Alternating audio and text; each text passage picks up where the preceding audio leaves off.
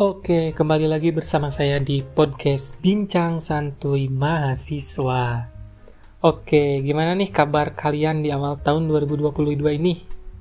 Pasti kita harus jauh lebih baik dari tahun sebelumnya, iya kan? Iya dong, masa enggak sih? Oh iya nih, buat kalian yang punya target di tahun ini, semoga kalian bisa mencapai dan mewujudkan target itu. Yang pasti, jangan mudah putus asa dan jangan pernah menyerah terus capai apa yang kalian inginkan di tahun ini. Semoga di tahun ini kalian bisa jauh lebih baik lagi dari tahun sebelumnya. Gue yakin kalian pasti bisa lebih baik lagi. Nih guys, jadi di podcast yang kedua ini, di episode kedua, gue bakal bahas tentang pelecehan seksual yang terjadi di lingkungan mahasiswa. Ya, kalian juga tahu, sekarang lagi ramai-ramainya bahas tentang pelecehan seksual di lingkungan mahasiswa. Oh iya, sebelum masuk ke podcast intinya, pembahasan intinya, gue ada sedikit berita nih, yang mana berita ini juga ada kaitannya sama pembahasan gue nanti. Jadi, beritanya itu seperti ini.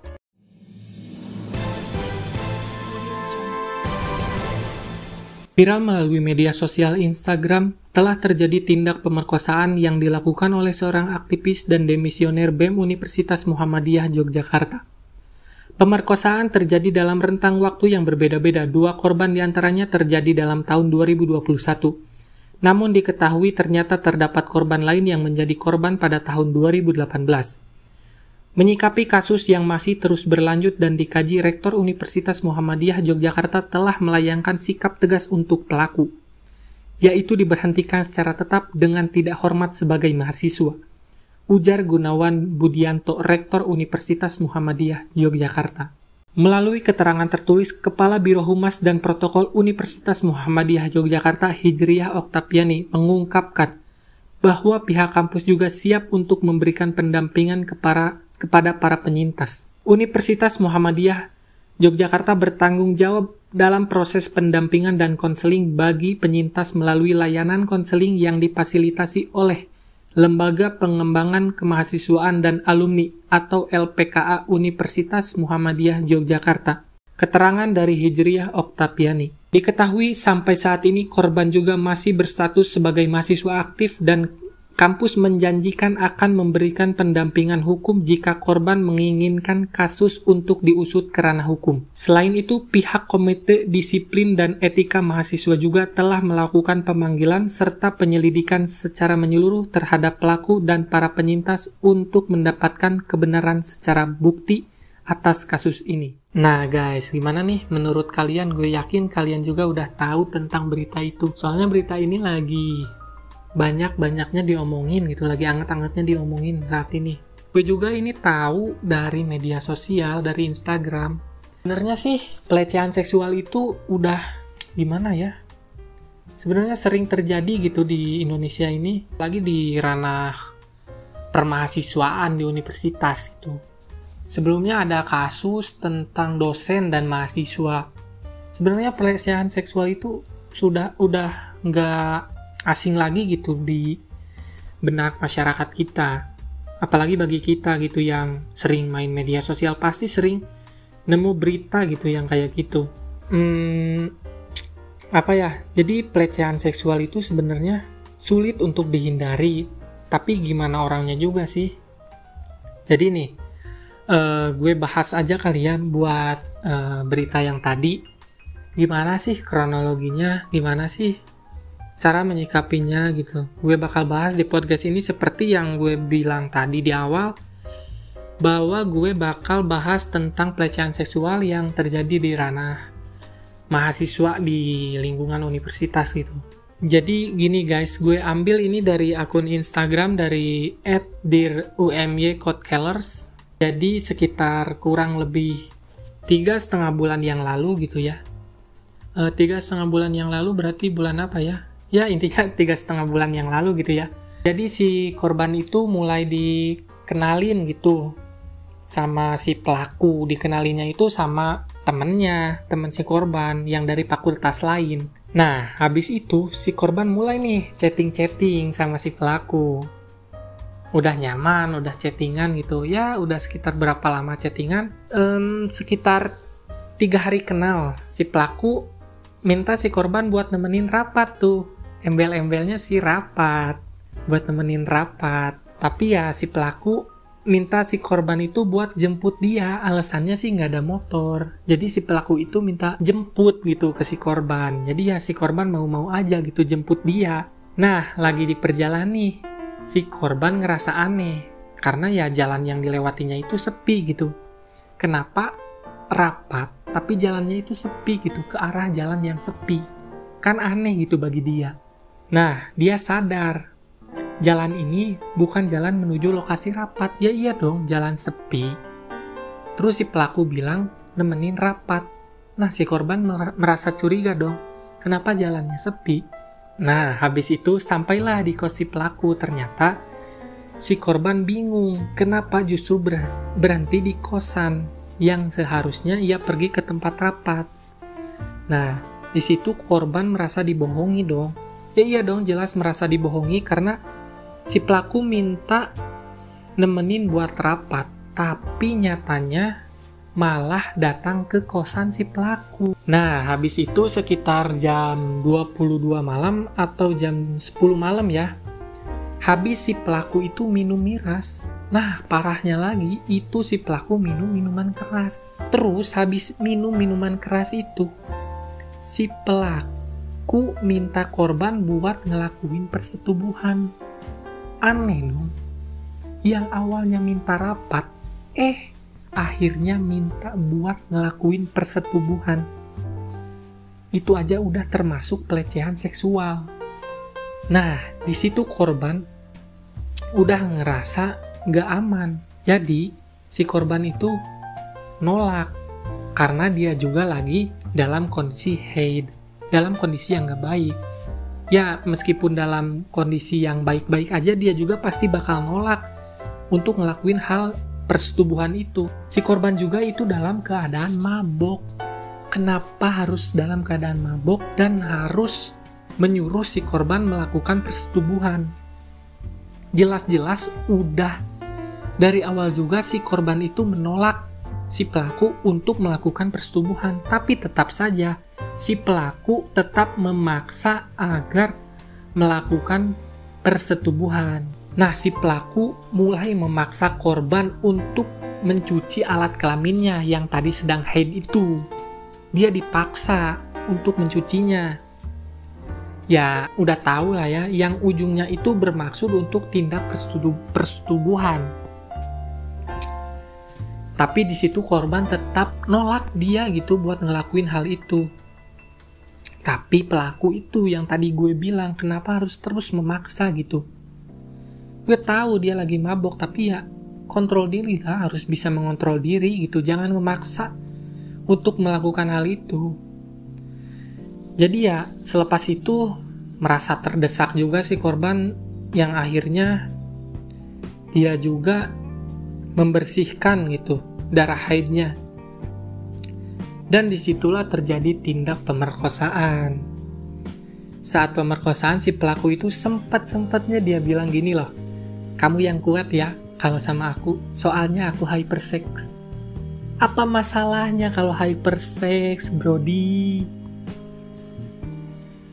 Ya kalau hypersex ya hypersex aja, jangan diluangin atau diluapkan ke seorang wanita. Lo harus jaga wanita itu harus dijaga jangan dirusak seperti itu. Ya, jelas dong itu disebut sebagai pemerkosaan. Ya, karena si korban gak sepakat, bahkan dia juga udah nolak buat disetubuhi oleh si pelaku.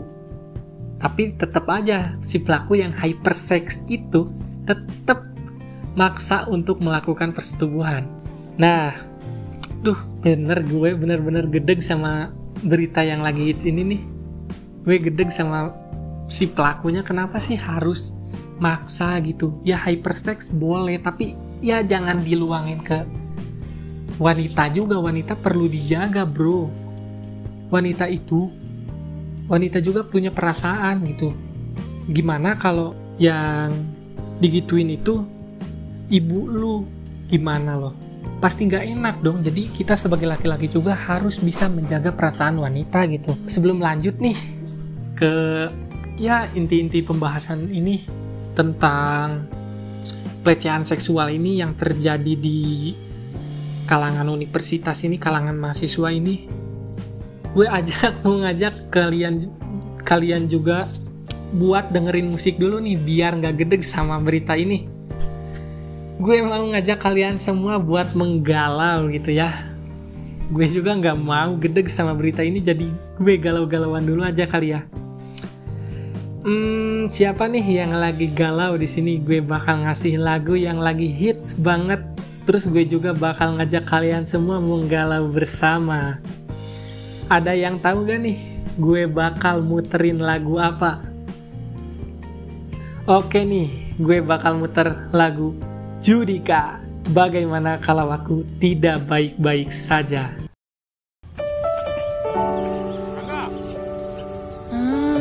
Ya.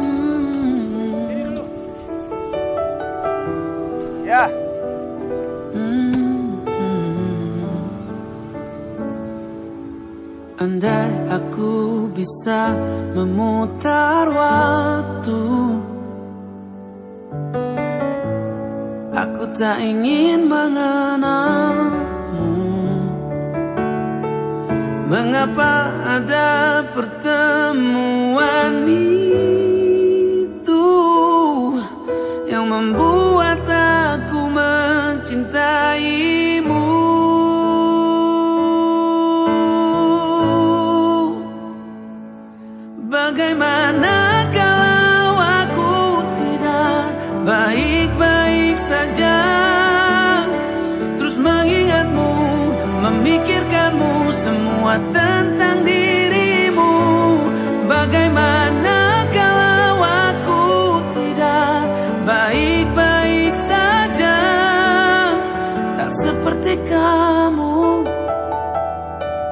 yang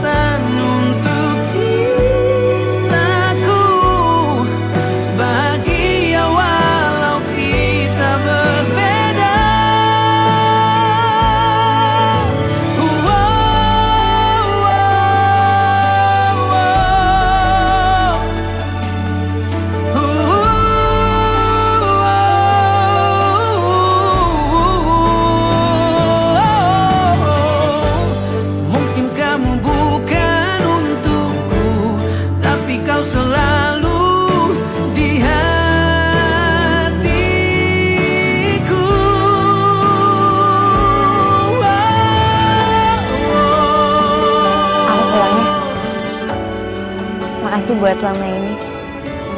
Kamu jangan kangen sama aku. Bagaimana Kamu baik-baik ya di sini. Semoga nanti kita bisa ketemu lagi.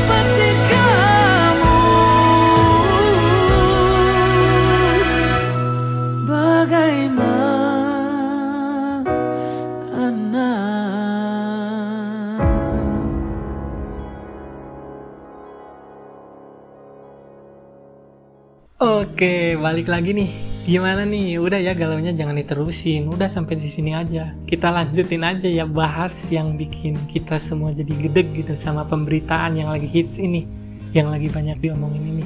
Jadi, kalau ngomongin pelecehan seksual itu ya menurut gue nih ya, sebenarnya kekerasan atau pelecehan seksual itu mungkin ya banyak terjadi, tapi para korbannya itu gak berani untuk speak up gitu loh. Ini aja rame gini, gara-gara ada salah satu korban yang berani speak up gitu. Jadi semua terbongkar. Ada pelecehan seksual yang terjadi. Ya sebenarnya untuk para korban jangan takut untuk speak up karena menurut gue itu udah ada di jalan yang tepat gitu. Yang dukung lo pasti banyak. Jadi jangan takut untuk speak up mungkin juga kali ya korban gak berani speak up itu. Menurut gue sih kurang adanya bukti gitu. Jadi dia gak punya bukti yang lebih untuk berani speak up gitu. Jadi dia lebih baik memendam itu. Sebenarnya nggak baik juga karena itu bakal nyakitin diri dirinya sendiri gitu. Apalagi perempuan. Udah disakitin sama si pelaku terus dia juga harus memendam rasa itu. Itu bakal jadi beban pikiran yang sangat-sangat lebih gitu. Itu bakal jadi stres buat dirinya sendiri.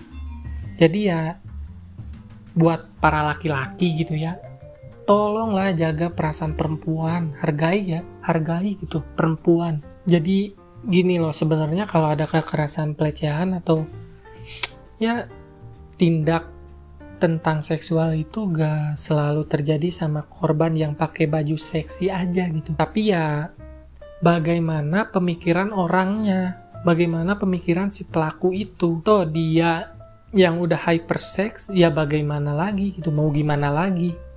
Gak pakai baju seksi pun dia pasti bakal tertarik gitu. Kayak ini kasusnya dosen sama ini mahasiswa atau kasusnya para ini santri-santri.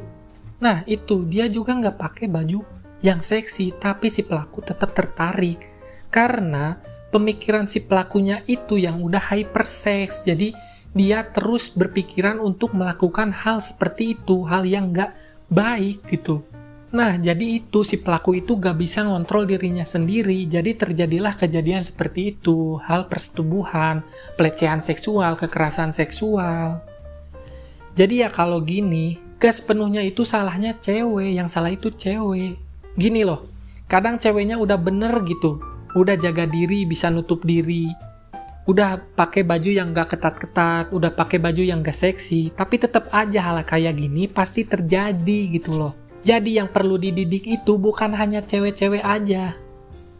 Yang perlu dididik itu kita juga sebagai cowok harus bisa lebih menghargai gitu loh, lebih bisa memahami perasaan perempuan gitu loh. Kita sebagai laki-laki harus bisa mengerti perasaan cewek. Terus ini loh, yang gue gedeg itu dari kasus berita ini, kenapa sih si pelakunya itu pakai embel-embel mau nemenin rapat segala. Seperti yang udah gue tadi sebelumnya bilang. Di kronologi itu yang gue udah tadi ceritain. Kenapa embel-embelnya itu mau mau rapat? Ya kan si ceweknya itu kan mungkin anggota BEM atau apa gitu ya gue kurang kurang tahu gitu gue belum baca lagi ya gimana ya? Oke di, di situ dia emang demisioner BEM tapi gak perlu juga dong. Gak perlu bawa-bawa kayak gituan. Jadi gini guys. Sebenarnya ini bukan buat pemecahan masalah ya. Tapi ya kalian buat para laki-laki tolong dong. Bisa lebih menghargai para cewek gitu ya. Seenggaknya lo jaga cewek gitu jangan dijadikan kayak gitu. Cewek juga punya perasaan loh. Bayangin aja, yang digituin itu ibu lo. Nah, lo gak bakal terima kan? Lo juga pasti bakal marah. Nah, jadi kita juga sebagai cowok harus bisa menghargai perempuan, harus bisa memahami perasaan perempuan. Jadi mulailah dari diri kita sendiri gitu. Harus bisa lebih mengontrol diri sendiri, diri kita sendiri. Ya, untuk para korban juga jangan takut untuk speak up jika terjadi seperti itu pada kalian ya mudah-mudahan nggak banyak terjadi gitu sih ya gue harapkan nggak banyak terjadi gitu di luar sana nggak banyak terjadi kayak gini gitu ya buat para korban gitu jangan beran jangan jangan takut untuk speak up gitu. Meskipun kalian eh, kurang adanya bukti tapi itu kalian udah speak up aja itu kalian udah udah membongkar tindak pelecehan atau kekerasan seksual dan kalian itu udah berada di jalan yang benar. Yang dukung kalian itu banyak jadi kalian jangan takut gitu jadi jangan kalian jangan merasa ketakutan gitu. Tenang aja. Emang pelecehan seksual ini sulit untuk dihindari gitu ya. Jadi ya untuk para korban tetap apa ya tetap berani untuk speak up jangan takut gitu ya. Jangan itu dijadiin ketakutan gitu. Um, oh iya nih uh, mungkin ini ya ini dari menyimpang sedikit lah dari pembicaraan kita hari ini di podcast ini. Ini gengs jadi ngomong-ngomong perkuliahan pasti kalian kuliahnya masih online kan? Apa udah offline nih? Ada yang udah offline gak nih kuliahnya? Oke nih, buat kalian yang punya masalah kalau kuliah online, apalagi masalah di jaringan data nih, gue ada info menarik buat kalian. Jadi info menariknya, Wah, kesiangan nih. Mana ada kelas online lagi. Waduh, mana kota habis lagi. Gimana tuh ini teh? ada apa sih kok pagi-pagi gini udah kayak cemas gitu? Iya nih, kota habis. Mana ada kelas online lagi. Ada nggak sih provider yang gak ribet gitu? Tapi bisa bebas internetan. Tanpa harus keluar rumah dulu buat beli paket kuotanya. Ada dong. Jadi jangan cemas lagi. Sekarang udah ada Bayu, provider serba digital pertama di Indonesia. Kini hadir Bayu, provider serba digital pertama di Indonesia. Dengan Bayu, kita bisa pilih kuota internet sesukamu. Yang mau pakai Bayu gampang banget. Tinggal download aplikasi Bayu di Play Store atau App Store. Oke guys, gimana nih info menariknya buat kalian? Jadi kalian jangan khawatir lagi sekarang kalau kuliah online, sekarang udah ada Bayu, provider pertama serba digital di Indonesia. Tenang, sekarang Bayu siap menemani harimu. Em, ngomong-ngomong tentang podcast nih, podcast episode kedua ini nih tentang pelecehan seksual. Ya mungkin sampai di sini aja kali ya. Eh, untuk yang mau lebih detail lagi, kalian bisa cari infonya di media-media sosial. Di sana juga banyak yang bahas tentang pelecehan seksual ini. Em, pesen gue sebelum penutupan ini, sebelum diakhirin ini podcast kali ini, eh, pesen gue buat para laki-laki di luaran sana, tolong bisa lebih menjaga diri kita sendiri, terus lebih bisa menjaga perempuan gitu lebih bisa menghormati dan menghargai perasaan perempuan. Dan untuk para perempuan juga harus bisa lebih eh, apa ya lebih bisa menjaga diri sendiri gitu ya. Eh, mungkin podcast di episode kedua ini tentang pelecehan seksual yang terjadi di lingkungan mahasiswa ini. Cukup sampai di sini aja and see you next episode